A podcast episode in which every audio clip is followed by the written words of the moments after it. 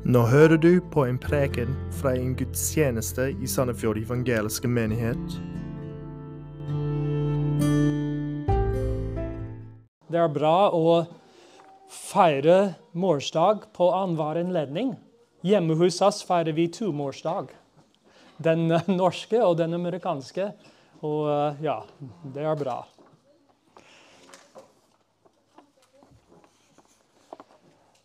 Da jeg var barn, fikk jeg en spesiell gave. Det var en liten bok med ordspråk. Ikke ordspråk fra Bibelen, men eh, ordtak fra forskjellige kjente forfattere. Ordtakene var korte og fornuftige. Og de var lette å huske, men ikke nødvendigvis lett å forstå. Eh, man måtte egentlig grunne på dem for å forstå visdommen i dem. Og Jeg likte den lille boken, og jeg har den fortsatt i dag. I dag starter vi en ny serie fra ordspråkene i Bibelen. På noen måter ligner ordspråkene på den lille boken jeg fikk som barn, men med et stort unntak. Ordspråkene er ikke menneskelig visdom, men visdommen fra Gud. Som hele Skriften er de innåndet av Gud. Det blir spennende de neste ukene å kunne høre, lære og leve etter Guds visdom. Kapittel 1, til, ja, kapittel 1 og vers 1 7 i ordspråkene er innledning til hele ordspråkene. Det er det som vi skal lese og fokusere på i dag. Og her oppdager vi hva ordspråk er, hvorfor ordspråkene ble skrevet, og hva vi kan forvente å lære i ordspråkene. Det siste verset, vers 7, var faktisk det aller første ordspråket. Og det gir grunnlaget for hele boken. La oss eh, lese hele avsnittet fra ordspråkene 1. Og vi begynner eh, med vers 1. Ordspråk av Salomo, Davids sønn, Israels konge. De er gitt så en skal lære å kjenne visdom og få rettledning, så en skal få innsikt i forstandige ord, så en kan ta imot rettledning til klokskap, rettferdighet, rett og oppriktighet. For å gi den enfoldige klokskap og den unge kunnskap og evne til å vurdere rett. En vis hører og ørker sin lærdom, og den forstandige skal få del i kloke råd. Så en kan forstå ordspråk og billedtallet, de vises ord og deres godter. Frykt for Herren er begynnelsen til kunnskap. Men de dumme forakter visdom og rettledning. Før vi går videre i dag, la oss be og søke Gud. Kjære himmelske Far, vi takker deg at du har gitt oss din visdom. Jeg ber Gud at du skal hjelpe oss å, å forstå uh, den innledning til ordspråkene i dag. At det skal oppmuntre oss til å studere videre og bli bedre kjent med visdommen i ditt ord. Vi ber i Jesu navn. Amen.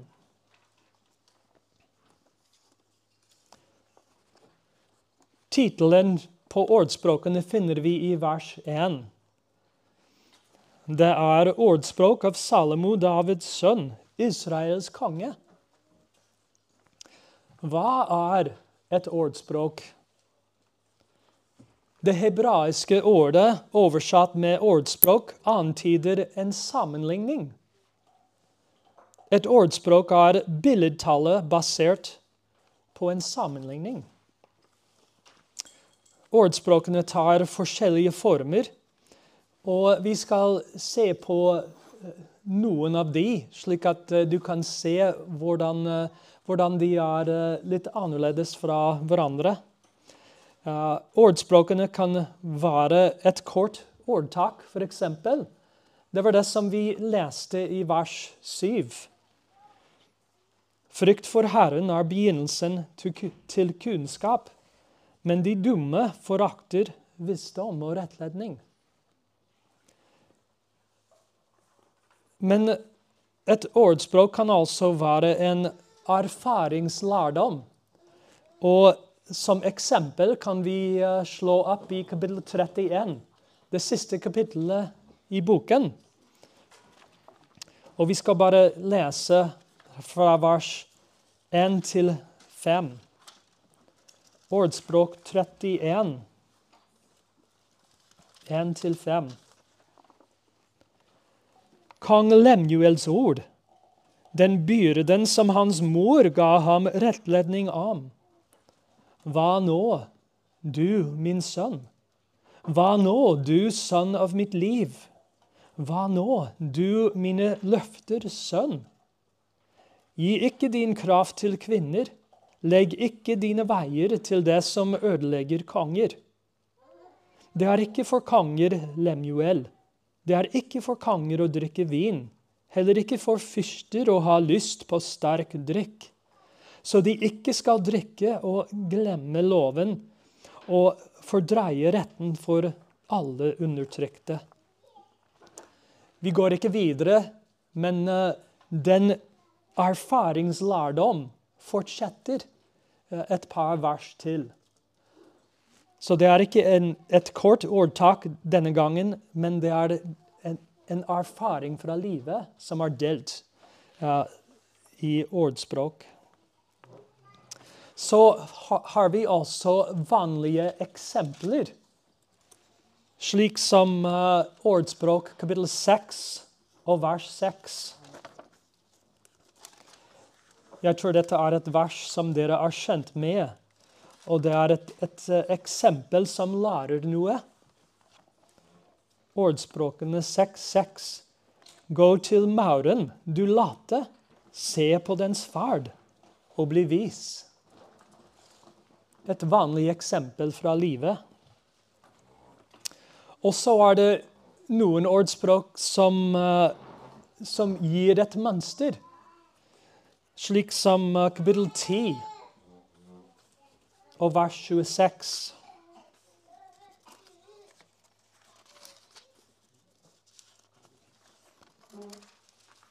Kapittel 10 og vers 26. Som eddik for tennene og røyk for øynene, slik har, det, slik den late for dem som sender ham. Her er det et mønster som gir visdom. Poenget er at ordspråkene tar forskjellige former. De er ikke alle like. Men enten de er korte eller lange, inneholder ordspråkene vanligvis sammenligninger. Ting som er like eller forskjellige. Så vi går tilbake til uh, hovedteksten i kapittel 1. Salomo, Davids sønn, Israels konge, står bak denne samlingen av visdom fra Gud. Historien om Salomos visdom leser vi i første kongebok, kapittel 3 og 4. Vi skal ikke slå opp der, men jeg skal bare oppsummere litt. Jeg tror at dere husker det. Salomo elsket Herren, og Gud ga ham mulighet til å be om hva han vil. Salomo ba følgende til Gud. Nå, Herre min Gud, har du gjort din tjener til konge i stedet for min far David. Men jeg er et lite barn. Gi derfor din tjener et lydhørt hjerte til å være dommer for ditt folk, til å skjelne mellom godt og ondt. For hvem er i stand til å være dommer for dette store folket ditt? Denne bønnen var god i Herrens øyne, og Gud ga Salomo det han ba om. Vi leser i første kongebok kapittel fire at Gud ga Salomo visdom og meget god forstand. En forstand som var så mangfoldig som sanden ved havets strand. Slik overgikk Salomos visdom all Østens barn og all visdommen i Egypt.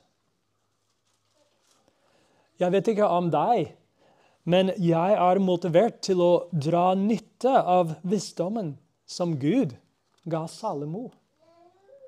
Du og jeg har mye å lære av denne boken. Salomo fikk visdom fra Gud på en uvanlig måte. Men hvordan får du og jeg visdom i dag? I vers 2-6 finner vi ut hvorfor ordspråkene ble skrevet, og hva vi kan forvente å lære av denne boken. Vi leser i vers 2. De er gitt så en skal lære å kjenne visdom og få rettledning. Visdom er nøkkelordet i ordspråkene. Og hva er visdom? Den grunnleggende betydningen av ordet visdom er dyktighet. Det er litt annerledes enn vi kanskje tenker. Ordspråkene lærer oss å leve dyktig på alle områder av livet. Ordspråkene handler om familieliv, arbeidsliv, vennskap, økonomi Alt som vi kan tenke på i livet.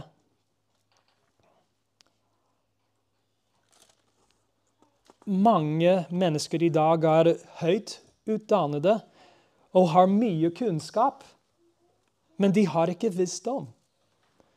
De aner ikke hvordan de skal leve riktig ta gode valg og styre en rett kurs gjennom livet. Selv med all utdanningen deres er livene deres helt rotete. Noen kristne havner i samme grøft fordi de mangler visdom. Ordspråkene er skrevet for å lære oss visdom. Og hvordan lærer man visdom? Ifølge vers 3 lærer man visdom gjennom disiplinert opplæring. Jeg leser for dere vers 2 og 3 igjen. De er gitt så en skal lære å kjenne visdom og få rettledning, så en skal få innsikt i forstandige ord, så en, så en kan ta imot rett, rettledning til klokskap, rettferdighet, rett og oppriktighet.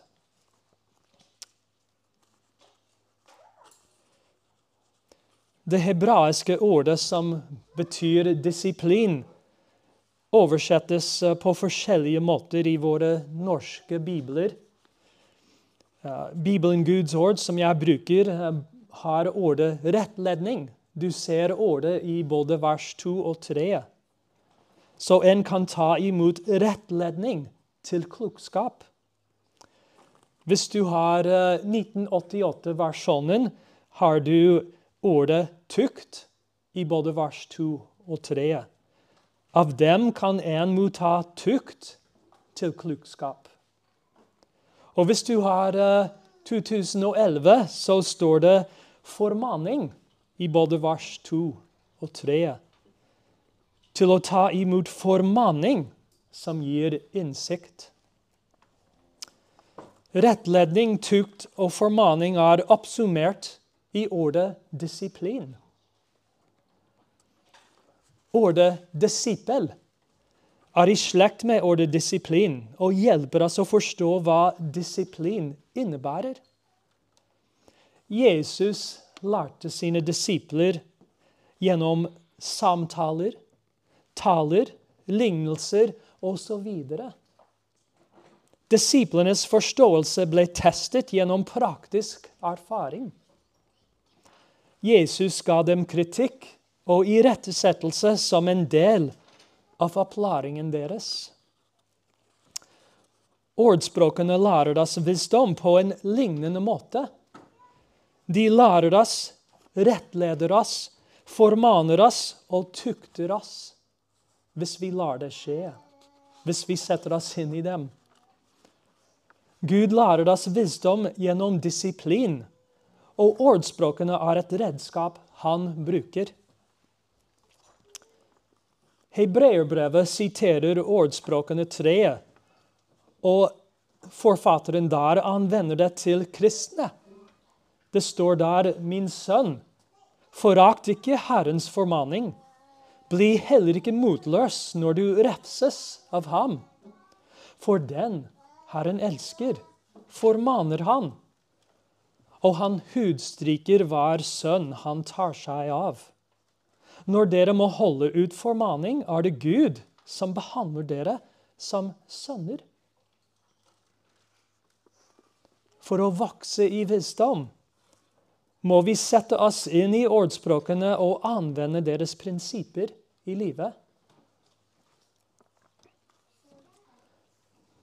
Visdommen som ordspråkene lærer oss, er Guds visdom, ikke verdslig visdom. Det er en stor forskjell. Tre hebraiske ord i vers 3 beskriver hvordan Guds visdom ser ut. De ordene i Bibelen min er rettferdighet, rett og oppriktighet. Det kan hende at i din oversettelse er det tre andre ord, men uh, vi skal fokusere på betydningen av de hebraiske ordene som uh, brukes her. Det første ordet i Bibelen min er rettferdighet. Og det er et ord som betyr uh, det som samsvarer med en etisk eller moralsk standard. Det er noe som er i samsvar med Guds lov. Visdom viser seg i rettferdighet, det som, som er i samsvar med Guds lov. Det andre ordet i Bibelen min er ordet rett. Rett er et ord knyttet til eh, beslutninger. Kong Salomos visdom ble vist i en riktig avgjørelse mellom to kvinner som begge hevdet å være mor til samme spedbarn. Dere husker godt uh, den uh, beslutningen som Sal Salomo uh, tok. Og det var rett. Det var en rett beslutning. Det siste ordet av de tre er ordet oppriktighet. Og ordet oppriktighet handler om hva som er velbehagelig. Hvis vi får visdommen som ordspråkene lærer oss, vil det vise seg i et ærbart liv med gode beslutninger som behager Gud.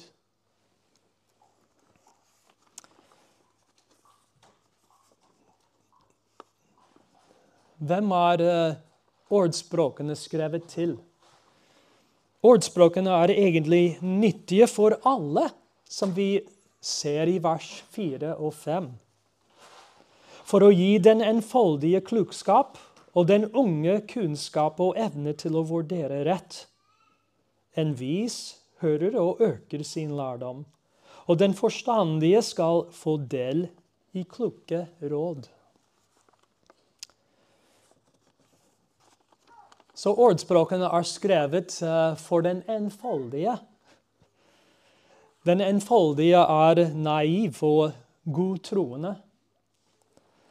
Da jeg var en ung gutt, hadde jeg noen venner som bodde i nabolaget.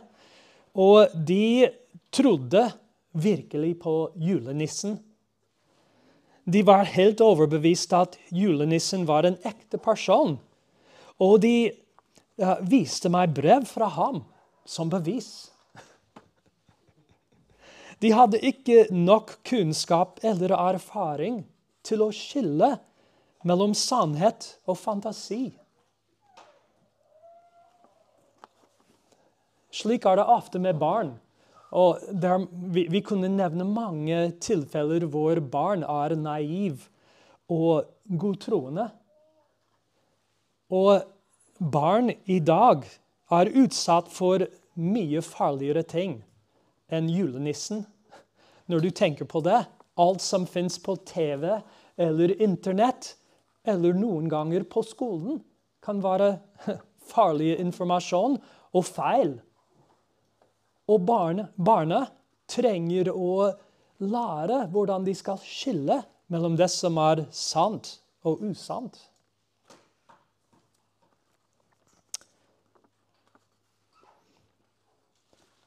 Ordspråkene er derfor et godt redskap for dere foreldre når dere lærer barnet deres. Ordspråkene er altså for den unge, som er beskrevet her. Unge, uerfarne mennesker mangler ofte hensikt. De lever bare for øyeblikket og planlegger ikke for fremtiden. Ordspråkene lærer den unge personen kunnskap og evnen til å vurdere rett. Hvis du er en ung person her i dag som mangler hensikt i livet, så er det mye håp og hjelp for deg i ordspråkene. Ordspråkene er ikke bare for unge og uerfarne. Vi ser i vers 5 at eh, en vis hører og ørker sin lærdom. Og den forstandige skal få del i kloke råd. En klok mann forblir ydmyk og ivrig til å lære. Han søker Guds visdom gjennom, gjennom hele livet. Og den forstandige skal få del i kloke råd, står det her. Nye omstendigheter oppstår hele tiden i livet. Og den forstandige søker råd i Guds ord. Ordspråkene er nyttige for ham også.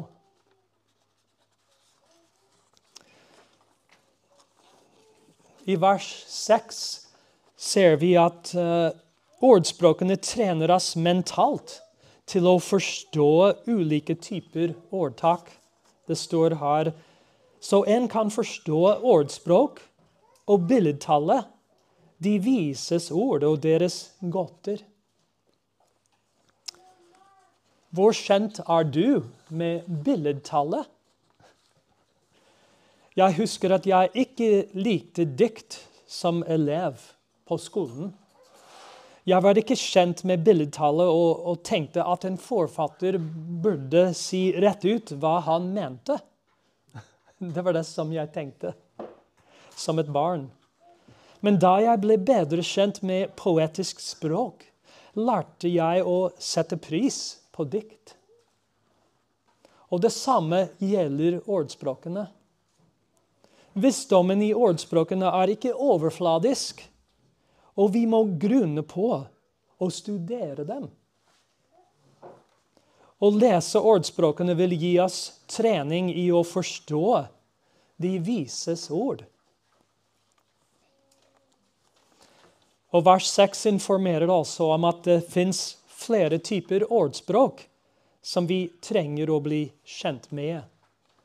Jeg vil ikke gå inn, uh, inn i det i dag, men jeg tror at uh, vi skal se det når vi går igjennom boken, at det fins flere typer ordspråk.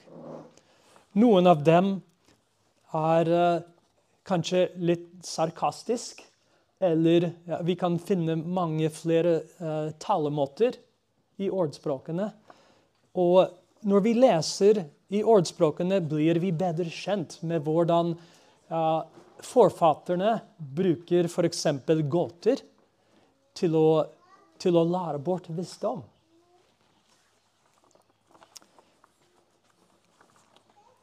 Men det som jeg håper at dere ser, at uh, vi kan ikke bare lese ordspråkene en gang og tenke at ja, nå forstår jeg. Det tar litt tid å komme inn i den visdommen som er der.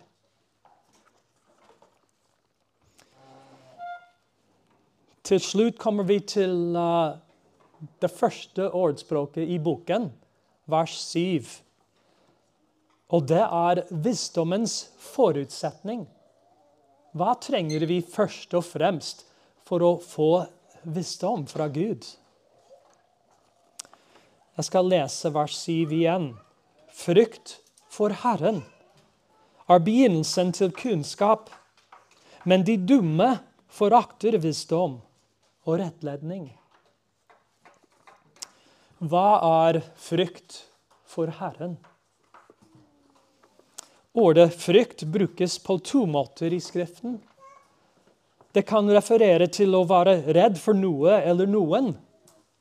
Og det kan referere til en tilstand av respekt og ærbødighet for Gud. Den første blir vanligvis beskrevet på en negativ måte. Når et menneske blir redd for en situasjon eller for andre mennesker. Men frykt for Herren er alltid beskrevet som en god og positiv ting i Skriften. Og ordet 'Herren', som vi leser her i vers 7, er egentlig ordet Jehova, eller Jave. Navnet til den evige Gud som åpenbarte seg for Moses ved den brennende busken. Jeg er den jeg er, heter han. Frykt for Herren er ikke uten redsel. Vi respekterer og ærer Gud i riktig erkjennelse av hvem Han er.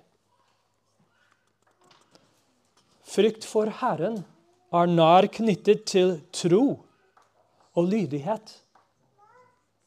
Kong Salomo skrev Forkynneren, og slik oppsummerte han budskapet i Forkynneren Frykt Gud og hold Hans bud. Dette gjelder alle mennesker. For Gud skal føre hver gjerning fram for dommen, sammen med alt det, alt det skjulte, enten det er godt eller ondt. Vi frykter ikke det som vi ikke tror på. For eksempel, vi hører historier her i Norge om troller som bor i fjellene. Vi kan bruke fantasien og late som at de eksisterer. Men vi tror ikke på troller. Vi frykter ikke for trollene når vi planlegger turer til fjells, eller når vi går på fottur i fjellene. På en lignende måte snakker mange mennesker om Gud, men de frykter ikke Herren fordi de ikke tror på ham. Deres tanker og atferd påvirkes ikke av Herren i det hele tatt. De frykter ikke Herren. De som frykter Herren, tror på ham og forstår at de skal avlegge regnskap for ham. Deres tanker og atferd styres av frykten for Herren. Frykt for Herren er begynnelsen til kunnskap, leser vi her i vers 7. Dette sier oss at frykten for Herren er grunnmuren i ordspråkene. Vi leser i første Mosebok i begynnelsen skapte Gud himmelen og jorden. Vi kan ikke ha en samtale om skapelsen om vi utelater skaperen. Gud er utgangspunktet for en forståelse av hans skaperverk. Og likeså er frykten for Herren grunnmuren til visdom. Vi kan ikke lære noe om visdom, kunnskap og forstand om vi ikke frykter Herren. Alle visdommen i ordspråkene er forgjeves hvis vi ikke begynner med frykt for Herren. Vi observerer en kontrast i ordspråkene 1.7. Frykt for Herren er begynnelsen til kunnskap, men dårer forakter visdom og rettledning. Kontrasten gir mer innsikt i hva det vil si å frykte Herren. Verset beskriver to typer personer med motsatte holdninger. Den vise personen frykter Herren og har en ydmyk holdning som tar imot rettledning. Dåren på den andre siden er stolt og egenrådig. Han viser forakt for visdom og rettledning. Vi er vanligvis enten en som frykter Herren, eller en dåre. Men det er fullt mulig å både frykte Herren og oppføre seg som en dåre på forskjellige tidspunkter i livet. Jeg vil gi en illustrasjon fra Skriften. Fra andre krønikebok, kapittel 26. Og Der leser vi om en konge av uh, Juda, kong Usia. Usia ble konge da han var bare 16 år og regjerte i Juda i 52 år. Han søkte Gud i Zakarias dager, en profet som fikk synder fra Gud. Så lenge Usie søkte Herren, ga Gud ham stor fremgang. Men senere i livet, da han var blitt mektig, opphøyet han seg i sitt eget hjerte han forbrøt seg mot Herren ved å gå inn i tempelet og brenne røkelse på røkelsesalteret. Da prestene prøvde å irettesette ham, ville han ikke høre. Han ble sint, og med det samme slo Herren ham med spedalskhet. Han var spedalsk helt til den dagen han døde.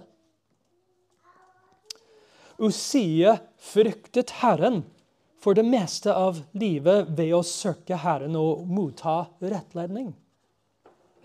Men han ble dessverre en dåre i sin stolthet, egenrådighet og ulydighet. Jeg vil gjerne gi en annen illustrasjon av frykt for Herren i Bibelen. I Hebreerne 11, vers 7 står det ved tro, etter å ha fått et guddommelig varsel om de ting som ennå ikke var synlige, bygde Noe i Guds frykt en ark til frelse for sin husstand. Det var i Guds frykt Noe bygde arken. Frykt for Herren er ikke en flyttig følelse. Det er en dyp overbevisning som styrer livets gang. Tenk deg om noe hadde anbestemt seg på en dårlig dag. Jeg tror jeg vil slutte å jobbe med dette umulige prosjektet. Solen fortsatt uh, skinner sterkt, og dette er bare for vanskelig. Frykt for Herren og tro på Hans ord gjorde noe til å fullføre arbeidet. Gudsfrykt i Noahs liv står i kontrast til menneskefrykt. Skriften beskriver noe som rettferdighetens forkynner. Han forkynte til en generasjon som var helt fordervet og voldsom. Noah hadde grunn til å frykte mennesker, men han fryktet Gud. Noes trofasthet og lydighet viser oss hva det vil si å frykte Herren. Hvorfor er frykt for Herren nødvendig i det kristne livet? Frykten for Herren fører oss til frelse, for det første. Jesus advarte mot menneskefrykt og lærte frykt for Herren. Han sa, 'Mine venner' Vær ikke redde for dem som dreper legemet, og deretter ikke har noe mer de kan gjøre. Men jeg skal vise dere hvem dere skal frykte. Frykt for ham som etter å ha drept noen, har makt til å kaste i helvete. Ja, jeg sier dere, ham skal dere frykte. Frykt for Herren er ikke bare begynnelsen til kunnskap generelt, men det er begynnelsen til frelsende kunnskap. De gode nyhetene i evangeliet mottas gjennom forståelse av de dårlige nyhetene om at alle er syndere og står straffskyldige for Gud. En av beskrivelsene av syndige mennesker under Guds dom er at det er ingen Guds frykt for deres øyne. Dette leser vi i Romerbrevet kapittel 3 og vers 18. Det er ingen gudsfrykt for deres øyne. Evangeliet forkynner at vår synd er så ille at Guds sønn måtte dø for å frelse oss. Syndens lønn er døden, men Guds nådegave er evig liv i Kristus Jesus, vår Herre. Evangeliet vekker frykten for Gud i oss, slik at vi kan omvende oss, komme til Jesus og bli frelst. Frykten for Gud leder oss til frelse. Det var tilfellet for meg, og jeg tror det gjelder alle som kommer til Frelseren. Frykt for Herren altså motiverer oss til å leve et hellig liv. I ordspråkene kapittel 16 og vers 6 står det ved miskunn og sannhet blir det gitt soning for misgjerning. Ved Herrens frykt vender en seg bort fra det onde. Som kristne har vi kalt til å avlegge det gamle mennesket og vandre i ånden. Frykt for Herren motiverer oss i denne oppgaven. Det står i Titus kapittel 2, vers 11 og 12. Guds frelsende nåde for alle mennesker er åpenbart. Og denne nåden oppdrar oss til å fornekte ugudelighet og verdslige lyster og leve edruelig, rettferdig og gudfryktig i den nåværende tidsalder. Ordspråkene har samme formål. De lærer oss å frykte frykt for Gud, slik at vi takker nei til synd og takker ja til et hellig liv. Jeg gleder meg til studiene i ordspråkene. Måtte Herren lære oss sin visdom gjennom disiplinert opplæring. Og måtte vi begynne med å frykte ham. La oss be sammen. Himmelske Far, vi takker deg for ordet i dag. Jeg ber Gud at uh, vi skal begynne å lære din visdom gjennom studiene i ordspråkene. Jeg ber Gud at vi skal begynne med å, å frykte deg på grunn av hvem du er. Vi takker deg, Gud, for din frelsende nåde. At vi har omvendt oss fra synd og kommet til Jesus Kristus som Herre og Frelser. Jeg ber Gud at uh, visdommen vi lærer i ordspråkene, skal hjelpe oss til å leve et hellig liv som er til behag for deg. Hjelp oss, Gud, å lære hverandre og oppmuntre hverandre i dagene som kommer. Vi ber alt dette i Jesu navn. Amen.